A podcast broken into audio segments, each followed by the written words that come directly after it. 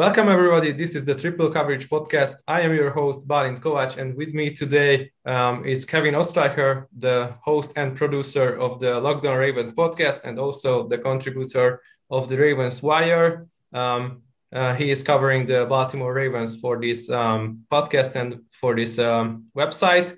So, in this show today, we will talk about um, Ravens things. But first of all, hi, Kevin. How is your day going?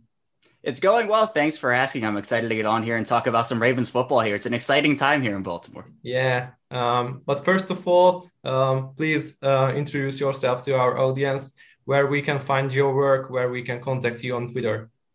Yeah, uh, I'm Kevin Oestreicher. I'm the host and producer of the Locked On Ravens podcast, and we put out content there five days a week, Monday through Friday, 6 a.m. Eastern times when our content drops. And I also write for Ravens Wire as a contributor. I write articles over there about Ravens opinions and news. And my Twitter is at ChaosStriker34. And the Locked On Ravens podcast, where I post episode updates, is at Locked On Ravens.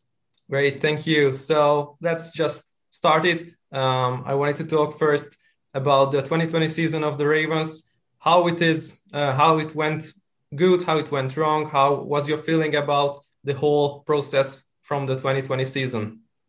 Yeah, for, for the Ravens, even for the whole NFL, the the league was put into a, a loop when the whole coronavirus pandemic hit. They had to adjust their offseason times when people were meeting, how people were meeting. And for the Ravens, they were honestly in the season probably the hardest hit team from COVID with yeah. having over 20 players put on the COVID list at once. They had to play the Pittsburgh Steelers with what people were calling their almost triple A team, just guys who were coming off the practice squad. They couldn't even fill the field the whole team.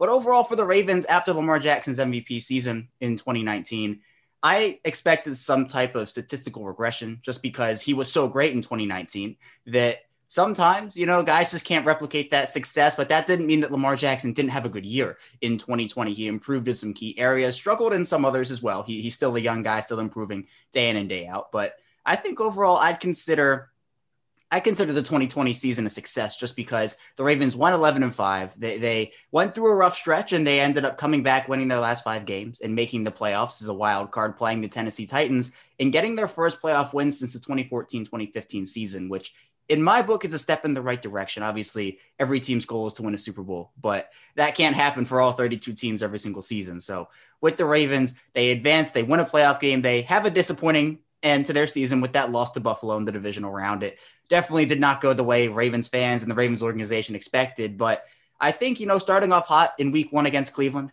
that was a great start. They try to find their identity. It seemed like, you know, the Ravens were this great rushing team in 2019, and they didn't really have an identity in the 2020 season. For the first half of the year, they finally get back to running the football a good amount over those last five games and they go five and zero oh, and they win those five games. So they are a rushing team. That doesn't mean they can't throw the football. It doesn't mean that Lamar Jackson isn't a good quarterback. But I do think that in my book, the 2020 season was a success, regardless of the fact that the Ravens didn't advance past the divisional round once again. But now it's how can they take that next that next step forward in 2021 the rookie class was important in 2020. How do you evaluate, uh, for example, the, the rookie linebackers and um, J.K. Dobbins, for example?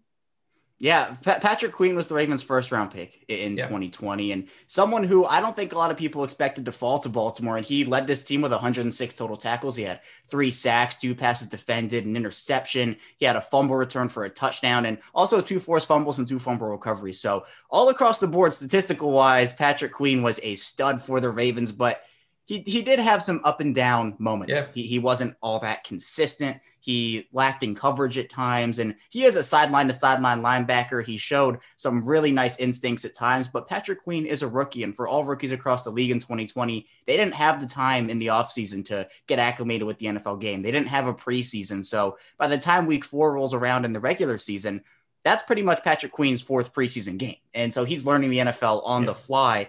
So it was a little bit to be expected for Patrick Queen to struggle a little bit, especially with the lack of starting time he had at LSU in college. But I think overall, moving on to next year, Patrick Queen is going to be a stud. He's going to improve. And then you mentioned J.K. Dobbins. I mean, yeah, he was someone who a lot of Ravens fans, when they first started out, when J.K. Dobbins was picked, it wasn't a very popular pick. The Ravens had Mark Ingram, they had Justice Hill, they had Gus Edwards, and people are saying, well, why add another running back to this team that's already such a good rushing team? And the Ravens, they pick the best player available whenever they can. And for Dobbins, he was the number one rated running back on their board. So of course he he drops to them and they love the pick. He goes for 805 yards on 134 attempts, 6.0 yards per carry, led the league in terms great. of running backs yeah, it's he's he was an insane contributor for them and didn't really start off the year great. He he wasn't really used by the Ravens, but nine touchdowns for him on the ground. He was someone who the Ravens relied on heavily during the back half of that 2020 season. Moving into 2021, he's going to be a big contributor for them. And in the rest of the class, they, they, did okay. Devin Duvernay, the wide receiver out of Texas, wasn't, wasn't used a bunch. Same with James Proche, the receiver out of SMU. Malik Harrison, next to Patrick Queen, had some nice moments, but wasn't really used. The offensive line, Tyree Phillips got a, a bit of run at garden and tackle, but didn't really perform all that well. So moving into this next season, I, I expect a big jump from a lot of these guys that Baltimore drafted. So, what was the biggest issue that uh, that was made in the playoffs that um, that made them fall out of the contention against the Buffalo Bills?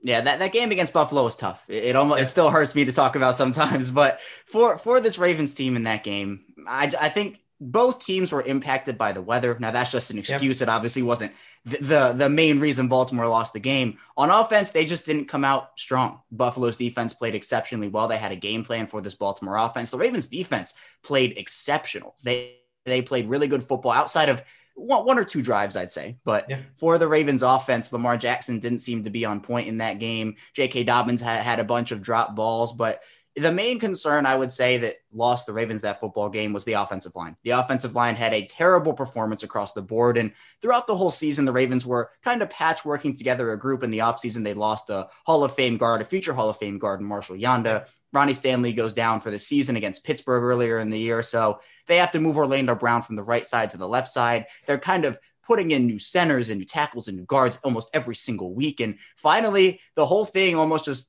I guess, blew up in their face because Patrick Mekari can't snap the football and, and balls go behind Lamar Jackson over Lamar Jackson's head.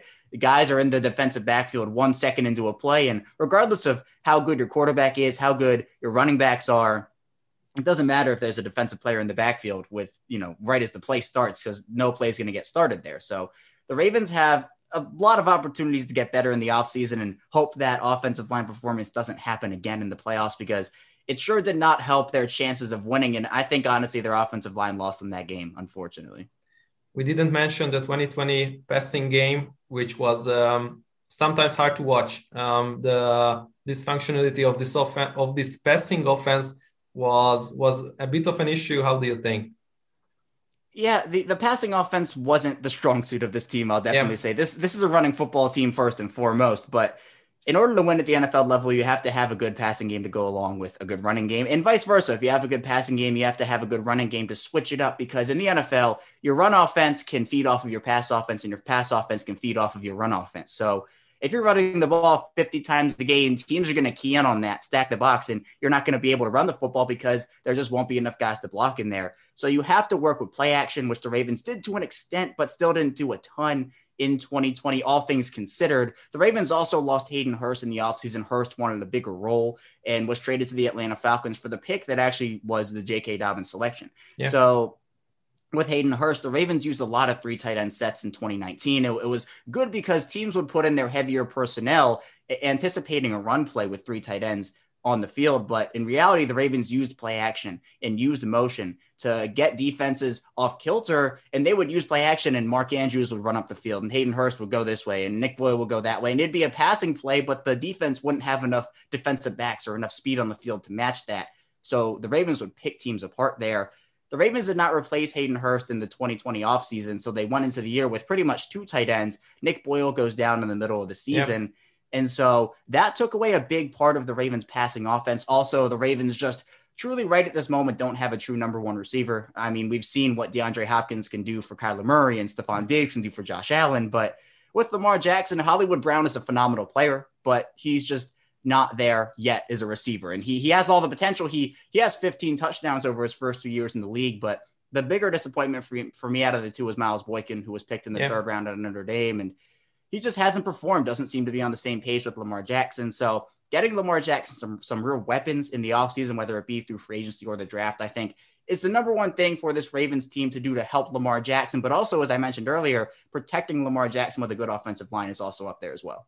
Yeah, and this is when we arrive to the free agency period uh, where we can talk about all of the the positions, uh, offense and defense. Um, for example, the offensive line or wide receiver help or tight end help. Um, but first of all, um, before we uh, talk about the new signings or perhaps new signings, uh, how do you see the free agents free agency period uh, from the side um, that that players what which players will depart from Baltimore, um, which will be the hardest loss? For example, if you can if you can think about the pass rush, it will be tough to uh, retain all those guys. Yeah, right now the Ravens in their pass rush department, five of their six edge rushers are entering free agency. Yeah. And that, that's tough because the Ravens are going to have to decide who to bring back, who to let go, as you talked about there. So Matthew Judon and Yannick Ngakoue are two guys who the Ravens relied on a lot in 2020. Superstars. Think, yeah, yeah. To a lot of people, had great prior seasons, but in 2020, it, it, was kind of up and down. The Ravens weren't really a high sack team. They didn't really get pressure on the quarterback when it mattered in certain games. And the Ravens almost, you know, they have a stud secondary, Marlon Humphrey, Marcus Peters, and all those guys. But for the pass rush, it doesn't seem likely that Matthew Judon and Yannick Ngakoue will return. I I think it'd be a lot more likely that Pernell McPhee, who is an underrated pass rusher who also plays the run really well, really physical up at the line, is going to return. He said he loves Baltimore, would love to come back. Jihad Ward is someone who had a little bit of a I don't know if I'd call it a falling out, but had a little bit of a disagreement with coaches over playing time. It seemed like I, I would love him back in Baltimore. It seems like he'd be a great fit for this team, but we'll see how that all plays out for them. Other guys who seem likely to leave at this point, Dez Bryant went on Twitter and pretty much said that he enjoyed his time in Baltimore, but it's not the right fit for him. And then that's being Dez.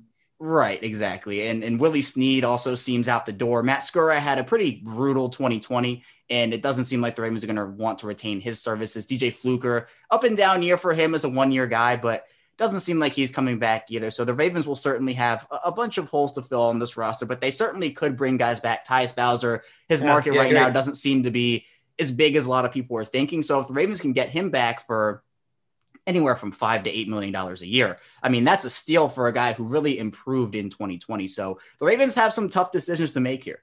Yeah, uh, uh, it's great that you mentioned Tyus Bowser because I think if he uh, will return to Baltimore in 2021, he will have a, very, a really big breakout season, I think. But we didn't touch um, Orlando Brown and his uh, saga in Baltimore.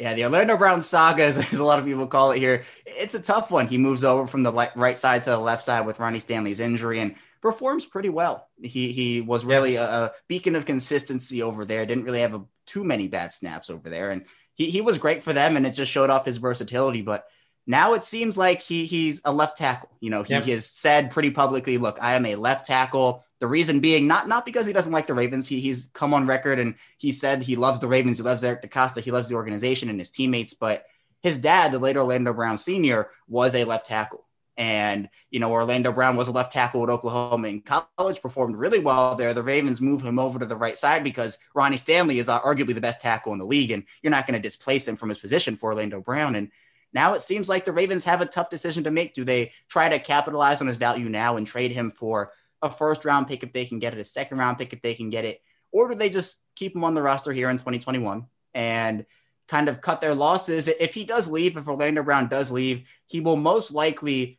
his contract will qualify for a 2022 third round compensatory pick. So it's not like he would leave for nothing.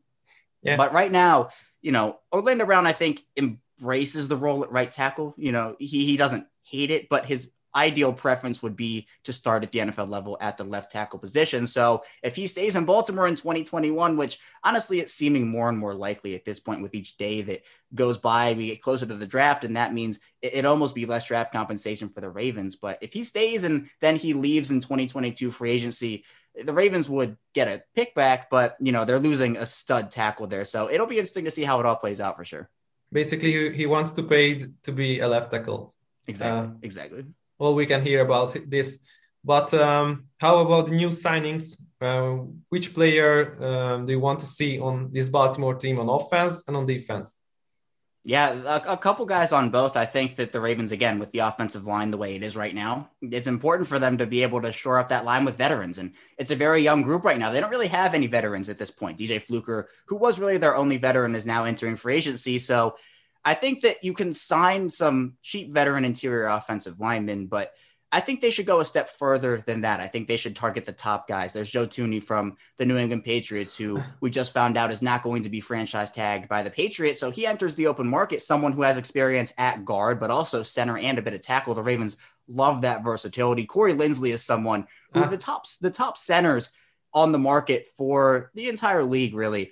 They don't command these $20 million a year contracts or anything. They're, they're reasonably priced. I mean, if, if you get a guy for 10, 11 million dollars and you can have one of the best centers in the league for Lamar Jackson, no snapping issues, good blocking, I think that's very worthwhile for this team. But I think the number one issue a lot of people are pressing on is can you get Lamar Jackson that wide receiver? Can you get him yeah. the weapons around him? And with the news that Allen Robinson and Kenny Golladay, or no, Allen Robinson and Chris Godwin are both getting franchise tagged, it seems like really Kenny Golladay and Corey Davis and Curtis Samuel, Juju Smith Schuster are those top tier receivers. Kenny Golladay, I think, is in a tier of his own, but then you have the Corey Davis guys and, and the Juju Smith Schusters and the Curtis Samuels. The Ravens, I think, are out of Kenny, Kenny Golladay's price range. I, I think that with the cap they have, they just can't do that. But Corey Davis is someone I love. He's physical. He is he's speedy. He's underratedly speedy, but he fits a need in this team because the Ravens have the slot guys. They have guys who can play out of the slot. It's it's Marquise Brown, it's Devin Duvernay, it's James Proche. So the Ravens need some physical guys on the outside because they're losing that in Dez Bryant. And Miles Boykin doesn't seem to be that right now. So Corey Davis is someone I like. Curtis Samuel, he's also he's he's a gadget guy. Does a lot of different things on the field. Severely underrated, but I think that the Ravens could use a, a, couple of guys. Marvin Jones is also someone I've seen linked. I would be careful not to overpay for Marvin Jones. I think with the right deal, he'd be a phenomenal fit, but you don't want to put too much of your cap into into somebody who is kind of on the tail end of his career, maybe doesn't fit the Ravens timeline as well as a Corey Davis or a Curtis Samuel. So we'll end up seeing what happens there. And then I think tight ends, you could look at a Kyle Rudolph or Jared Cook, someone to help Lamar Jackson out on those three tight end sets. So there's a lot of interesting free agents out there the Ravens could go after. Yeah, uh, I just thought about um, Juju and his TikTok videos. Um, he he he would. Um, it would be difficult to maintain this TikTok uh, thing if he goes to Baltimore because I don't think um, the locker room will appreciate it. but um, the safety the safety position is also uh, kind of an issue, but they have um, Clark, they have um, um, names around him, but uh, a guy linked to Baltimore is Xavier Woods. It would be a nice option. Is, yeah, Xavier Woods would be. He would be a good option. I think with the Ravens, DeShon Elliott performed admirably in his role as free safety in 2020. Earl Thomas gets cut almost like a week before the season, two weeks before yeah. the season. So DeShon Elliott has to come in, learn a whole new position at the NFL level, pretty much learning throughout the entire year. And, you know, he, he wasn't perfect, but I think based off of everything, he had a great season for this team. But now in the offseason, the Ravens have more time. They can decide to go after somebody who was that true back end. He, he can play in single high. He can do a bunch of stuff like that. And then even if the Ravens do sign a guy like Xavier Woods or a guy like is Tre Boston or Malik Hooker, the Ravens could still use DeShon Elliott and Chuck Clark on the field at the same time with that free safety because Chuck Clark in 2019 played a bunch of dime linebacker. They put him up in the box. And then what that would do is you could move DeShon Elliott over to his natural position at free safety or at strong safety, and then put a guy like Xavier Woods, Tre Boston, Malik Hooker at the free safety position. So the Ravens, they do a bunch of different things with their defenders. And I mean, they, they love every second of it, putting big guys into coverage and rushing safeties, rushing corners. So getting a safety who is versatile, can play a bunch of different roles and a bunch of different positions will open up this defense even more for sure. Yeah, and they will be helped. Um, um, they will be get help from juice and fruit punch and uh, this secondary would be awesome if they go in big nickel or big dime um, defending Absolutely. the pass. So yeah, uh, and this is when we um, turn our face to the to the draft. And uh, how do you see the draft, the overall draft strategy of the Baltimore Ravens, and how do you see them attacking each each of the the rounds? Uh, for example, in the fir- in the first round, in the first two days. Yeah, for for the Ravens, I think honestly, their draft strategy isn't going to be finalized until they figure out what's going on with Orlando Brown. Yeah. Because with that situation, you don't want to go into the year with nobody. And for the Ravens, if they don't have a guy to replace Orlando Brown, it might be tough for them because they saw what happened when a star tackle went down for them in 2020. And in some instances, it was not pretty. But I do think the Ravens will prioritize edge. I think offensive line is a key key issue for this team, as I've mentioned. And then wide receiver, if the Ravens don't sign a big guy, a big name wide receiver in free agency, I could certainly see them drafting one in the first two rounds. Uh, I personally have been an advocate to not draft a receiver in this draft at all for the Ravens, just because they have four young guys right now. I assume they keep six on the roster total. And if you draft two receivers in this draft, let's say that's all six year guys being in their third year or less, where certain veterans, if they come into a team, know how to get into soft spots on defenses or go and work back to a quarterback to help them out when they're in trouble. So, you know, if there's talent on the board, you, you don't pass up on the talent, obviously. But, you know, if there's a bigger need somewhere else, for example, at the interior of the offensive line, at the edge position, safety is an, another one that I could see in the first round those are all guys you could go after. And then in day two, I could see the Ravens again, just those, those, those needs in general. I could see them also maneuvering up and down the draft. If there's not a guy they like in the first round, they could trade down to the early 30s. If they like a guy, they could pick up some extra draft capital there. And I think the Ravens, they, they know that their free agency is going to dictate a lot of what happens in this draft for them because the guys that they, or the positions that they don't spend on in free agency, they're going to have to spend a lot on in the draft with that capital. So there are so many possibilities for this team. It's pretty exciting to think about uh, in your opinion, who would be your favorite um, draft uh, pick in the first round? There are so many guys. If if I had to single out you a few, the GM. Yeah, I I think that uh, if Gregory Rousseau, the the edge out of Miami, fell to the Ravens, I think he'd be he'd be a great fit. He's still very raw. He he hasn't played the position a ton, but his his last season at Miami before opting out in 2020 was was phenomenal. And if he can if he can hone in on, on those traits, and if the Ravens can work with him, I mean, he'd be an absolutely phenomenal fit for this team. And then and then moving on to a couple guys in the second round, I know might be available. I know Creed Humphrey is someone who Ravens fans are in love with, the center out of Oklahoma. I think he'd be great. A guy in the later rounds I like is Dez Fitzpatrick, a wide receiver from LSU. He has played with Lamar Jackson before during Lamar Jackson's freshman year there, they had a really nice report, or during Dez Fitzpatrick's freshman year, they yeah. had a really nice rapport together. And I think that for Baltimore, so many different guys. Rashod Bateman is someone a lot of people like in the first round as a wide receiver target for Lamar Jackson. So again, the, the possibilities are endless here for this Ravens team. Yeah, um, and uh, in which round um, uh, would you um, make some um, draft picks to the um, interior defensive line, um, reinforce them? Because yeah, Brandon Williams, Calais Campbell.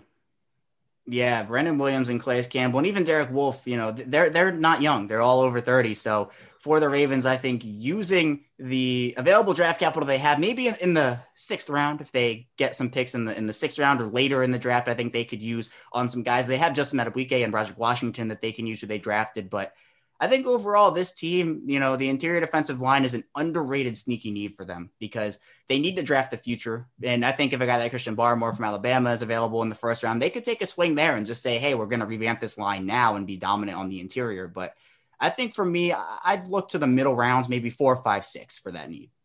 Yeah. And turning our face to the 2021 season, which um, which is the expectations in in your mind of this uh, Ravens team going ahead with uh, better Lamar Jackson, better offensive line, and improved defense? Um, the ceiling is quite high.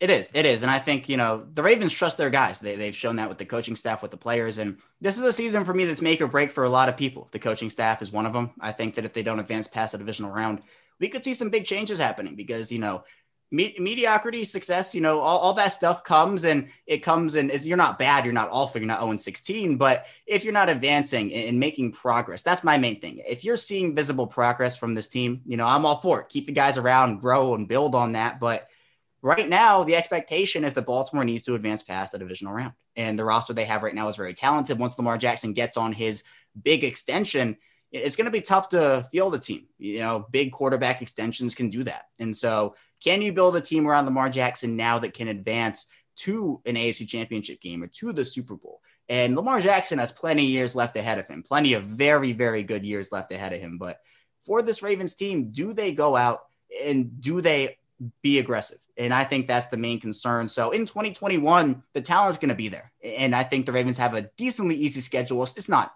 all that easy, but it's it's decently easy. And so for the Ravens, they have to go out there and prove that, hey, we're growing. You know, our players are growing, our team is growing, the coaches, the coaching staff are growing. That's all really important to me. So I'm going to say my expectation is the Ravens advance at least to the, the divisional round. And then anything past that AFC championship Super Bowl shows me the growth this team needs. Do you see Greg Roman processing a little bit um, in the passing game too?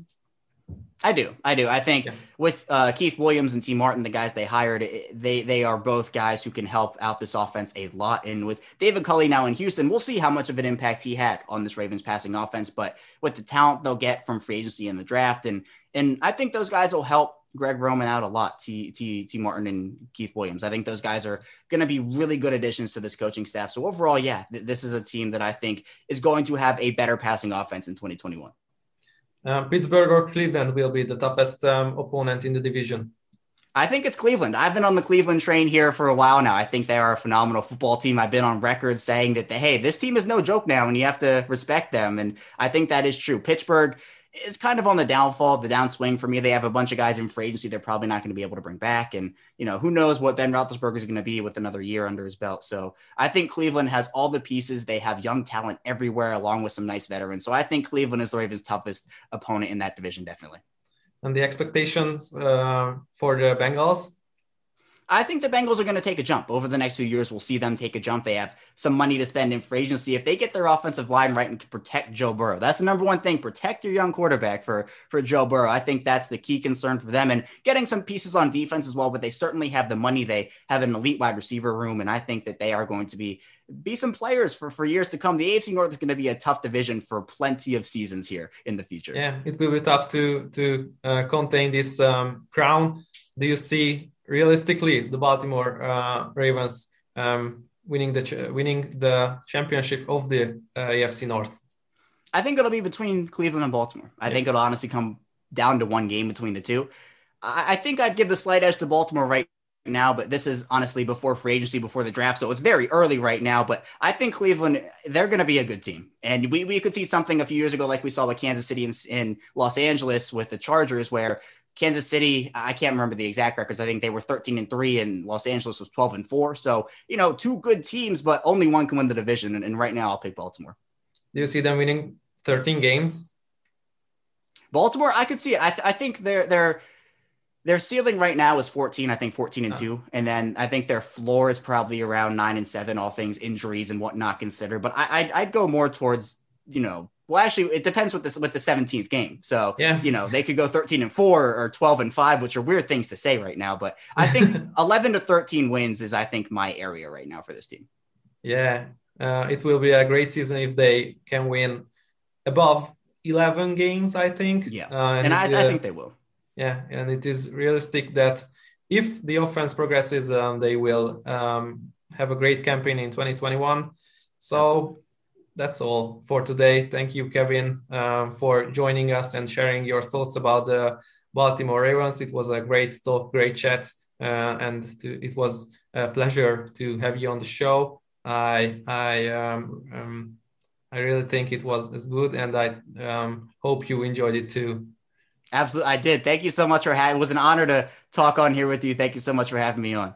Uh, thank you for our listeners, and um, uh, hope uh, you will you will join us uh, next time. Thank you, Kevin, and um, have a good day. Have a nice day. Thank you. Thanks. So Bye. Much.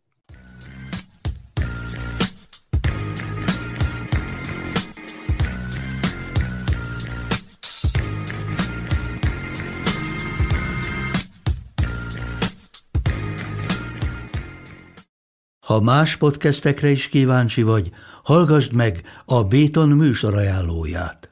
El tudod képzelni, hogy a podcastet, amit éppen most hallgattál, fél év múlva már a mesterséges intelligencia generálja? Mi sem. De ha érdekel, eljötte már a gépek lázadása. Hallgass bele az Embertelen podcastbe. Orsós Lajos vagyok, a műsor házigazdája. Egyelőre még élőben. Egyelőre. Fedezzük fel együtt, hogyan ismerkedik, randizik, mesél és vitatkozik Betty és Péter, két teljesen mesterséges intelligencia. Lajos, a podcast címét mond még egyszer, Léci. Oké. Okay. Embertelen podcast.